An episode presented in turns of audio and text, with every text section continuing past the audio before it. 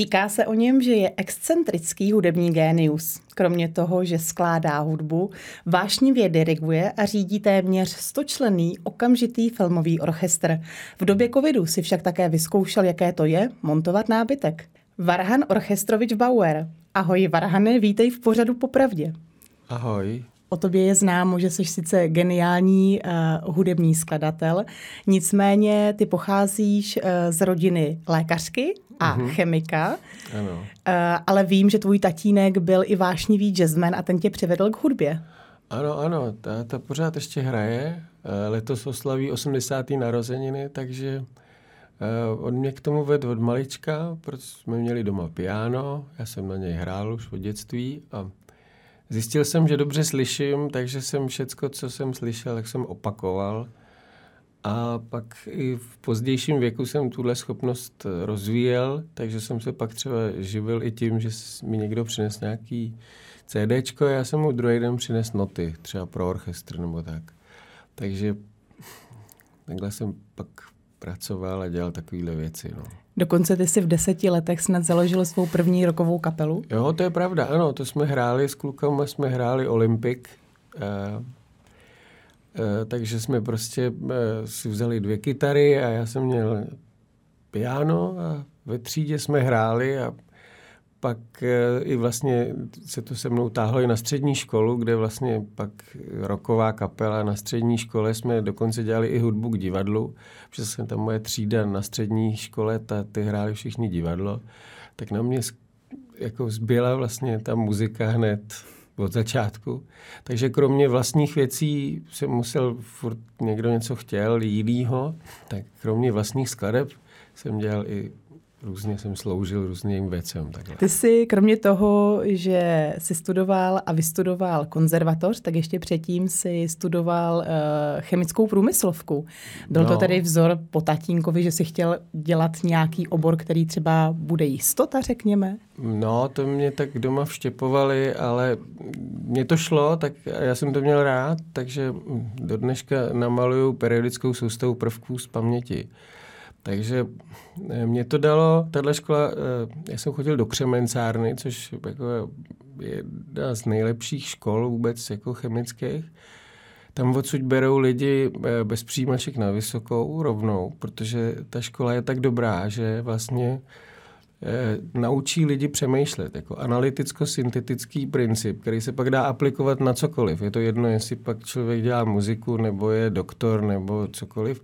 Ale ten analyticko-syntetický prostě způsob myšlení, že jakoby něčemu přijdu na kloup a potom to stejný sestavím, ale po svým. Jo? A pomohlo ti to teda při Strašně komponování hudby? Rozhodně, určitě. Ty, ty chemie je totiž o vlastnostech a hudba je vlastně taky o vlastnostech a o barvách a o, o ty prostě charakteristických nějakých jako, e, věcech, tak, tak mi to hrozně pomohlo. Ty vlastně ve své tvorbě i kombinuješ e, různé styly hudby. No právě, jako filmová hudba je skvělá v tom, že může na sebe nabalit cokoliv, to znamená, že skombinovat směry, styly, žánry, často ty, ty, každý film je jiný, takže uh, já jako hudební skladatel filmový, abych posloužil, tak jeden den komponuju heavy metal a druhý den prostě gregoriánský chorál středověký prostě. Takže jakoby uh, pro mě ta změna uh, je příjemná, mě to baví. Když to třeba ty kapely, že jsou odkázaný na to, že má jeden styl a jede v tom stylu prostě. Tvá různorodost eh, nejen v tvorbě, ale i v tvé vizáži je vlastně něco, co tě podle mě jako vystihuje. Je to vlastně tvoje celková image. Eh, je to svým způsobem záměr nebo jakýsi jako produkt? No, je to tak, že vlastně já jsem zjistil, že mi to vyhovuje se vlastně na každou tu věc podívat z různého jakoby, směru, z různého úhlu. Že pak člověk vidí vlastně trošku jakoby, jiné věci a může si teprve definitivně vybrat, co je pro něj podstatný a co je nepodstatný. Protože když to vidím třeba jenom z jedné strany, tak tomu vlastně nemůžu zaujmout žádný jakoby eh, relevantně kvalitní eh, postoj, abych zhodnotil, jestli teda tohle tak nebo tak. Tak já si prostě ty všechny ty pohledy si vždycky si je zkusím a proto se mi líbí i různé barvy, i různý takový abych jako proniknul do té hloubky, no. A když člověk chce proniknout do hloubky, tak musí být ostrý, aby prostě se tam dostal. Radikální. No, se vším musí, všudy. ne, no, jako musí být navostřený natolik, aby prostě proniknul jako horký nůž máslem těma věcma, aby se nezdržoval nějakýma blbostma. Ale aby proniknul, tak to znamená, že musí být připraven. No jasně, připravený každou chvíli prostě takhle se rozeběhnout a skočit do toho bazénu té hudby. Prostě. Ty jsi v jednom rozhovoru řekl, budu konkrétně citovat, píší o mně, že jsem excentrický hudební génius. Vychází to asi z toho, že jsem někdy nepochopený.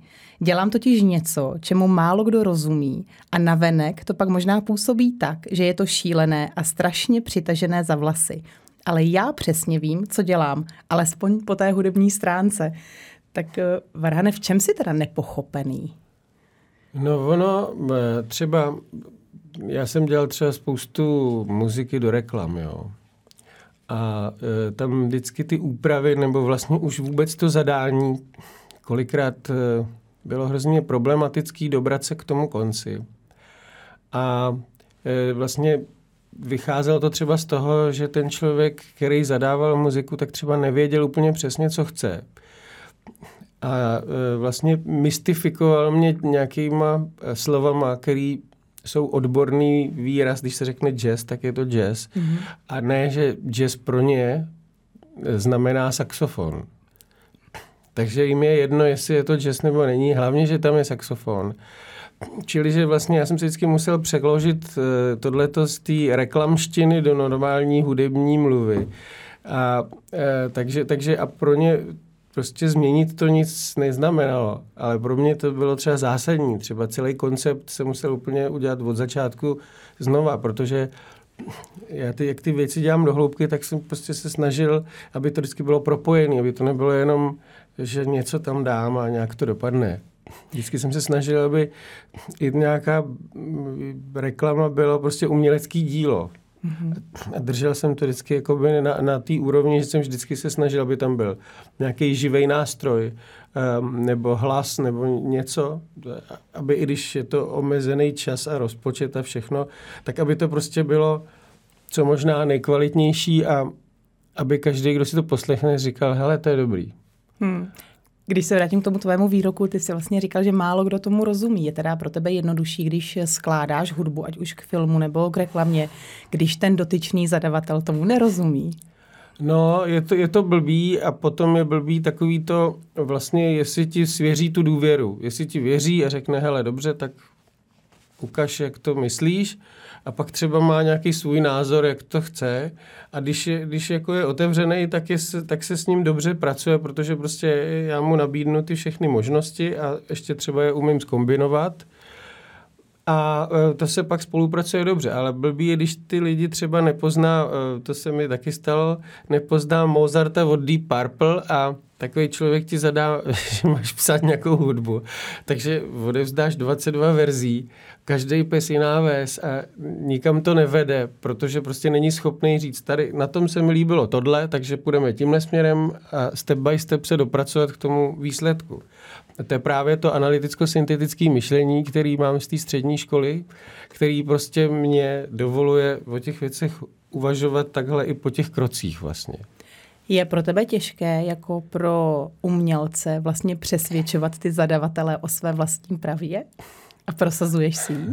No, někdy je to těžký, to je pravda, protože někdy ty představy, které mají, tak jsou trošku upjatý a jsou třeba takový, že třeba ti dají film, kde už je nasazená nějaká hudba, která je zavádějící. A protože oni na to všichni koukají v té střižně, tak opakovaná lež se stane pravdou. Oni si na to zvyknou. Oni vědějí, že to je blbě, ale oni na to tak dlouho koukají, až už jim to tam pak chybí, když to tam není. A ty jako skladatel vlastně nemůžeš napsat novou novosvětskou. To nejde prostě, to je blbost. Takže já vždycky říkám, nedávejte mi to, já nechci slyšet nic, mm-hmm. dejte mi čistý film, jenom zvuk, prostě nic nechci slyšet. Já si to tam potřebuji představovat. A vždycky ten jakoby eh, first touch, ten prostě ten první pocit, který člověk má, přitom, když to vidí, tak to je ono, to je ta pravda, to je to, že prostě nezatížený žádnýma prostě eh, podsouváním něčeho, tak eh, vlastně vidíš, co to potřebuje. A teďko s tím můžeš naložit tak, že jdeš potom, jakoby, že jdeš s tím pocitem, anebo že jdeš proti. Podle toho, jak, jako, jak se domluvíš s režisérem, jestli máš jít, jako, když to je smutný, tak jestli máš jít víc do toho, anebo jestli jakoby máš jít trošku nad to. Jo? Nebo třeba taková typická scéna bývá, když se třeba šermujou, a tak, tak buď tam může být muzika, že, že mydlej se, prostě dramatická, prostě hudba úplně jako vyšperkovaná, a nebo se to třeba zpomalí, když te, tu scénu chceš zpomalit, tak tam dáš prostě nějakou duchovní hudbu, která je úplně nad tím, úplně nad tím, že třeba ten hlavní hrdina zemře nebo něco se stane tam v tom filmu. A ty to tam pošleš ještě trošku dřív a pošleš to tam s nějakou jako pokorou, s nějakým jako dalším pocitem. Uděláš tam takový, já tomu říkám, že hudba je svědomí filmu. Že vlastně uděláš tu nadstavbu a e, takový jako svědomí. Jako, já s tím mám dobré zkušenosti. Eh, jsem dělal muziku do filmu, eh, který se jmenoval Hodinu nevíš, bylo to o heparinovém vrahovi. A mě napadlo, že prostě když, se, když je tam ty doktoři a je tam ta smrt, tak jsem si říkal, no tak jak se k tomu postavit? Tak já jsem říkal, no tak requiem. Requiem je latinsky a je to zádnošní mše jak jsem si říkal, že ta hudba bude prostě vlastně další herec, a že vlastně vždycky jsem z toho Requiem vybral nějakou jednu větu a to, na tu určitou scénu jsem vzal tu nějakou latinský verš, který je z toho Requiem, který přesně pasovalo do toho, takže jakoby ilustrovalo v tom pozadí vlastně takového toho podvědomí, to tam jako vsunulo tu nějakou myšlenku. Takže jako s takovýhlema věcmi pracuji rád a jako baví mě to. Když jsi zmínil ten film, tak mám pocit, že asi nejvíce se zviditelnil díky filmu Miloše Formana Gojovi Přízraky. Jak k té spolupráci došlo? Tak došlo k ní díky Liboru Peškovi, který teda bohužel tady už není mezi náma. Já jsem ho měl hrozně rád, byl to můj přítel a eh, chodili jsme spolu na víno a jednou jsem takhle, se mi stalo, že že jsem ho jako vez domů a došel mi benzín v Trabantu. Tak on musel jet chudák domů taxikem a teď jsem si říkal, no tak to je průšvih, ten už mi nikdy nezavolá. No a druhý den ráno mi zavolal a říkal, Varhane, já už vím, co pro tebe můžu udělat.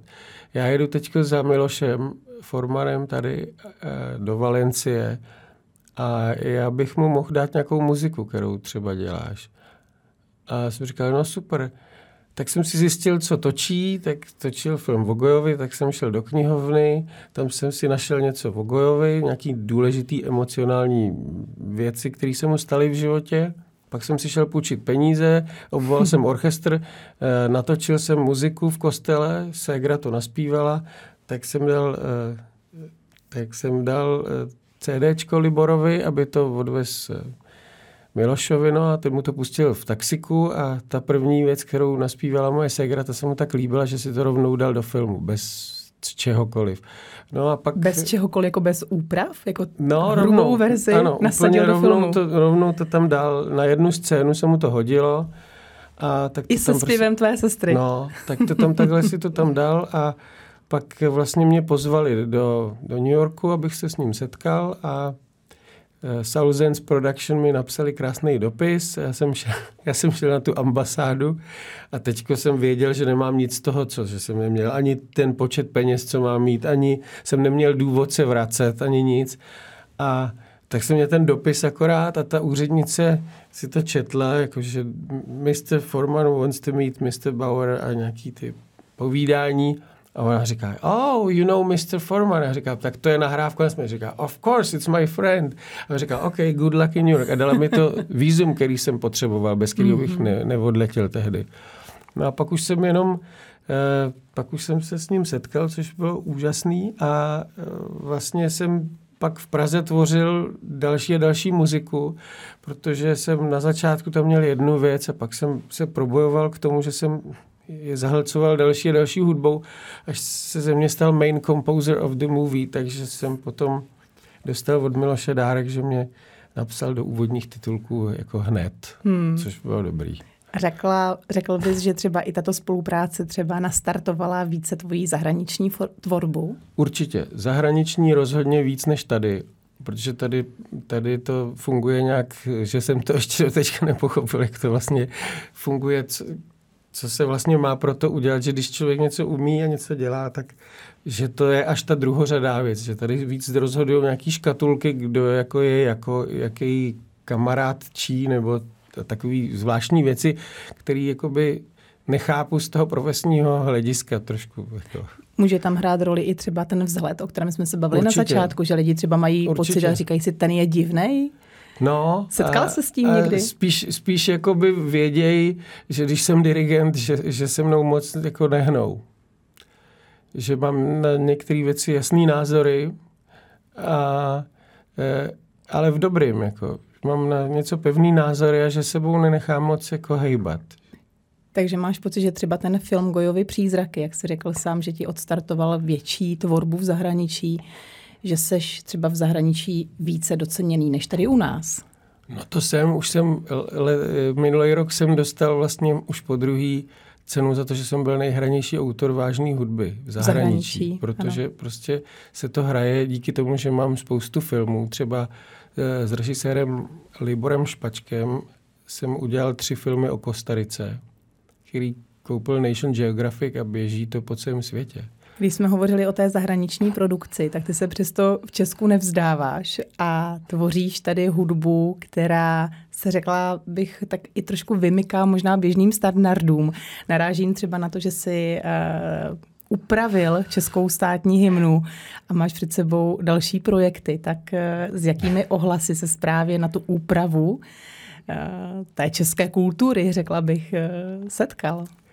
No tak eh, tu českou hymnu jsem upravil už strašně dávno, už asi v roce 2009, když, jsme, když bylo naše předsednictví ano, v Evropské unie. Evropské unie.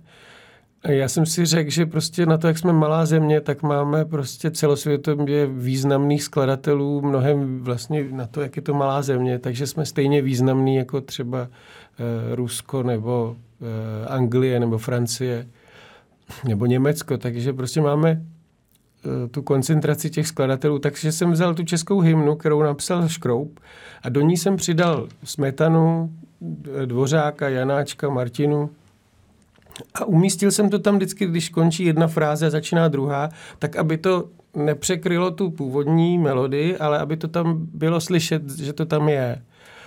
A e, po, přistoupil jsem k tomu e, v Málerovské orchestraci, protože já tvrdím, že Gustav Máler byl Čech, protože se narodil v Kališti a do svých šesti let, což je ta zásadní doba pro formování mozku, tak poslouchal českou hudbu. Tím pádem je to Čech.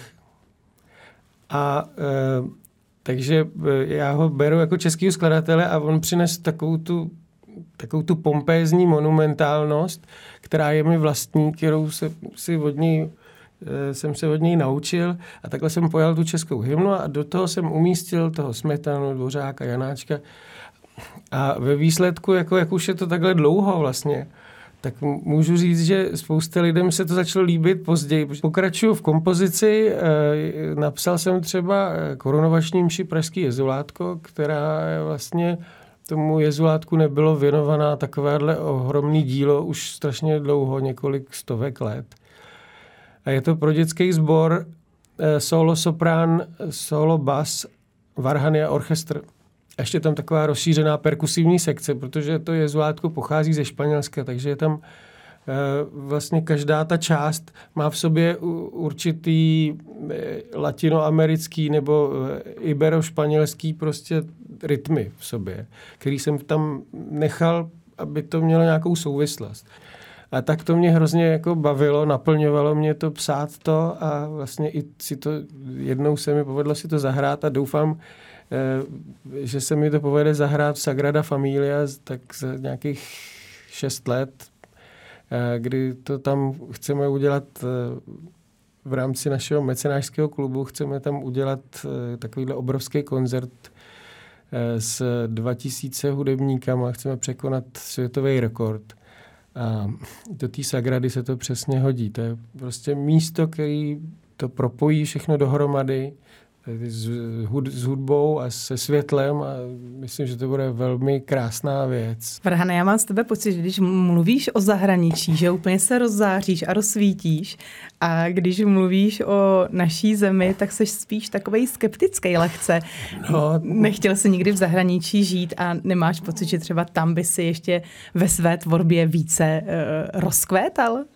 No asi jo, tak jako teď se nemohlo cestovat dva roky a nešlo nic, tak to bylo pro mě takový blbý, že člověk musel být zavřený doma a nikam nechodit a ty všechny restrikce covidismu, leninismu, jak já tomu říkám, tak ty všechny prostě neadekvátní, nesmyslný, prostě nepodložený prostě věci, které se tady prosazovaly se zcela vážnou tváří, kterým bychom se před pěti lety jsme se jim smáli samozřejmě. Bychom říkali, to je není možný, to nebudou lidi dělat tohle, to je přece blbost, že jo.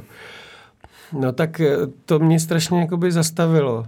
Já bych rád dělal jako samozřejmě věci, nějaký i vlastně poletím do států, takže něco dělat budu rozhodně, ale Prahu mám rád, já žiju na Petříně a to prostě mě to baví. Praha je prostě krásná. Třeba teďko píšu operu, vybral jsem si Karel Hinek Mácha Maj, protože jsem s překvapením zjistil, že ani Smetana, ani Dvořák, ani Janáček, ani Martinu, ani nikdo se prostě vůbec nevyjádřil k téhle jakoby nejzásadnější české poezii, která třeba pro mě úplně kvete barvama, úplně, když to čtu jenom, tak už mě ta hudba napadá sama. Hmm.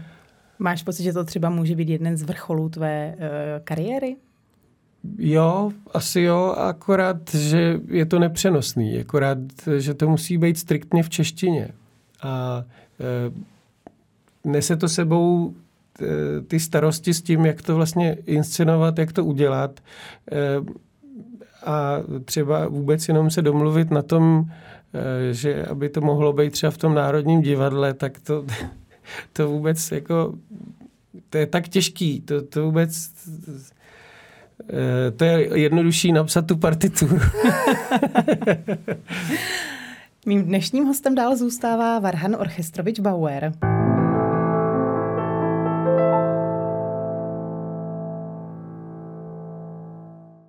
Varhane, ty jsi sám už zmínil dobu eh, nedávno minulou, a to dobu eh, covidu a covidových restrikcí. Já vím, že ty si po nocích skládal, ale během dne si montoval nábytek. Eh, bylo to z důvodu toho, aby si uživil rodinu? Ano, musel jsem skládat, abych mohl skládat. No, protože vlastně se nesmělo, my jsme se ani nesměli sejít s orchestrem, my jsme se ani nemohli potkat. A já jsem zvyklý potkávat se s lidma. Pro mě to bylo jako úplně nejhorší. Jak vězení prostě. Takže takže, takže to byla doba blbá, no ale zvláštní je, že přitom jako teda jsem montoval nábytek a aspoň jsem se nábytek? něco naučil. Proč nábytek? Protože jsem se něco naučil, eh, protože jsem postavil svojí ženě skříň doma a byl na návštěvě jeden kamarád a říkal, no vidíš, ty by se s tím mohl živit. A já říkám, dej pokoj. A říká, tak já ti zítra zavolám, mi zavolá. Tak jsem říkal, tak jo, tak já to zkusím, tak co, co budu, budu uh, sedět doma a trápit se, tak jsem říkal, dobře, půjdu ven a budu něco dělat. Tak jsem se naučil s vrtačkou všechny ty věci a pomohlo mi to teď, když řeším jakýkoliv problém, protože já furt jsem dětem, jak něco rozbíjejí, tak furt spravuju hračky a takové věci tak jsem aspoň to využil, takže jsem se ty věci naučil dělat e, do hloubky. Naučil jsem se rozeznávat materiály, naučil jsem se prostě, jak ty věci dát dohromady, prostě přemýšlet tím způsobem nějakým dobrý. No dobře, Varhanele, řekni mi, jak člověk tvého jména se jde ucházet o práci, uh, manuální. Eh, já jsem se o ní tomu, neucházel, ale já jsem jde... tam přišel a rovnou jsem to dělal, já jsem se o nic neucházel. Takže jsi neprošel personálním ne, oddělením. Ne. Já Šel jsem, jsem právě, rovnou. Ta, ta moje otázka směřovala právě k tomu, jaké by to bylo, jaké by to bylo teda v tom případě přijít a říct, já jsem Varhan Chestrovič Bauer a chci u vás montovat nábytek, protože musím, bohužel doba mě k tomu dohnala. Jak se třeba lidé na to tvářili? Tak normálně chtěli, chtěli fotku se mnou. No, tak Takže tě poznávali, když jsi přijel No, někdy jo. montovat. Ale tak eh, já jsem to bral jako takovou etapu, kdy si člověk něco musí uvědomit, eh, přehodnotit takovou jako léčbu, jako přehodnotit to sám v sobě, jakoby ten přístup a o to víc si pak vážit e, svoji vlastní práce hudební a e, trošku to člověku vnese do života nějaký pořádek. Fyzicky se trošku zapojí, to je taky dobrý. Jako, Jak dlouho si u této práce zůstal? a tak moc dlouho, ne, asi pár měsíců, jako chvilku. Pak už jsem musel zase začít psát a dělat normální věci, už jsem zase tvořil pak. Ty tvoříš poměrně kreativně, kromě toho, že skládáš hudbu eh, k filmu u nás i v zahraničí, nebo spíš v zahraničí, eh, komponuješ hudbu do reklam eh, a na zakázku různé další hudby v podstatě pro jiné, třeba řekněme i komerční projekty a podobně. Tak... No, teďko děláme třeba takovou zajímavou věc, jmenuje se to hudbou po úrovni vědomí. To je tohleto. A to je vlastně taková meditační muzika. Eh, já jsem napsal takovou léčivou muziku, která vlastně je ve 432 hercích, což vlastně má souvislost s přírodou. Je to taková frekvence, která rozvibruje, eh, když se rozvibruje deska, tak se na ní udělají přesné kruhy. To je jak když dopadne kapka na hladinu vody. A to je to prostě starý dobrý ladění, který funguje a rozvibrovává, prostě ty tóny rozvibrovávají různé orgány v těle. A proto určitý sled nějakých tónů, což bylo dřív třeba v tom gregorianském chorálu, tak to bylo tak, že vlastně oni tu modlitbu měli jako léčivou muziku. Že vlastně si tím léčili nějaký, nějaký vibrace si posílali do těch orgánů, tím pádem prostě se jakoby čistili, tím se jakoby uh, nějakým způsobem uh, byli zdravější a prostě udržovali si i nějakou jako duchovní čistotu. Myslím, že, že je dobrý v tom pokračovat, protože doba je plná stresu a doba je plná toho, že, že prostě tlak na výkon a tlak na peníze a tlak na takovéhle věci eh, je potřeba podle mě trošku jako zabrzdit a dostat se zpátky sami k sobě, protože jinak se eh, rozvinou ty civilizační choroby různý a eh, jak je člověk ve stresu a to a teď třeba k tomu blbě jí nebo něco, blbě spí a, a už to je, už se to může, takhle se to může stát, že člověk najednou zjistí, aha, já jsem nemocný. Eh, ty jsi naznačil vlastně, Varhane, že eh, a nenadarmo se říká, že hudba léčí. Cítíš to i u sebe, že třeba ten tlak eh, na, na výkon a stres, o kterém jsi sám mluvil, že ty ho díky hudbě prožíváš třeba míň? Jo, určitě. Taky eh, chodím hrát do kostela na Varhany, eh, na Malostranském hřbitově, od kterého mám klíče, takže tam chodím, kdy můžu, tak se tam vlezu a cvičím třeba jenom. Že si můžu jít a zahrát. Mám to pět minut od baráku, takže když mě něco eh, rozlobí nebo co, tak si tam můžu odběhnout a v klidu si zameditovat, zahrát si na varhany. A ono je to dobrý, protože člověk dá průchod nějakým emocím, já často improvizuju, a tu improvizaci si nahraju a pak třeba na základě nějakých třeba čtyřech taktů, který se mi tam zalíbějí, tak z toho napíšu třeba skladbu. Že to stojí za to, že to není jako samoučelný, že si tam jdu jako e, zbláznit se a zahrát si tam, ale ještě přitom vznikne jako vedlejší produkt nějaká taková jako třeba zárodek nějaký skladby, nebo tak. Varhana, a kde tě můžou lidé vidět? Kam si můžou přijít poslechnout třeba tvoje díla? Tady tu léčivou muziku děláme 31. března v Unitári na Anenském náměstí. A, a určitě tam přibude nějaký varhaní koncert. Ještě e, plánuju, že bych rád ještě přidal tam nějaký varhaní koncert. Takže stačí, když mě bude sledovat lidi e, na Facebooku a tam dáváme všecko, co se bude dít. Varhane, já ti moc děkuji za milé povídání, za tvoji otevřenost. Ať se ti daří, ať tvoje děkuji. hudba nejen léčí, eh, ale zároveň těší a ať máš spoustu krásné práce a ať třeba ten tvůj hudební vrchol eh, přijde co nejdřív a rozvíjíš se dál a dál. Děkuji moc. Já děkuji za pozornost a připomínám, že i tento díl si můžete poslechnout na podcastových aplikacích podcasty.cz, Spotify a Apple Podcast. Mějte se hezky a brzy opět na viděnou.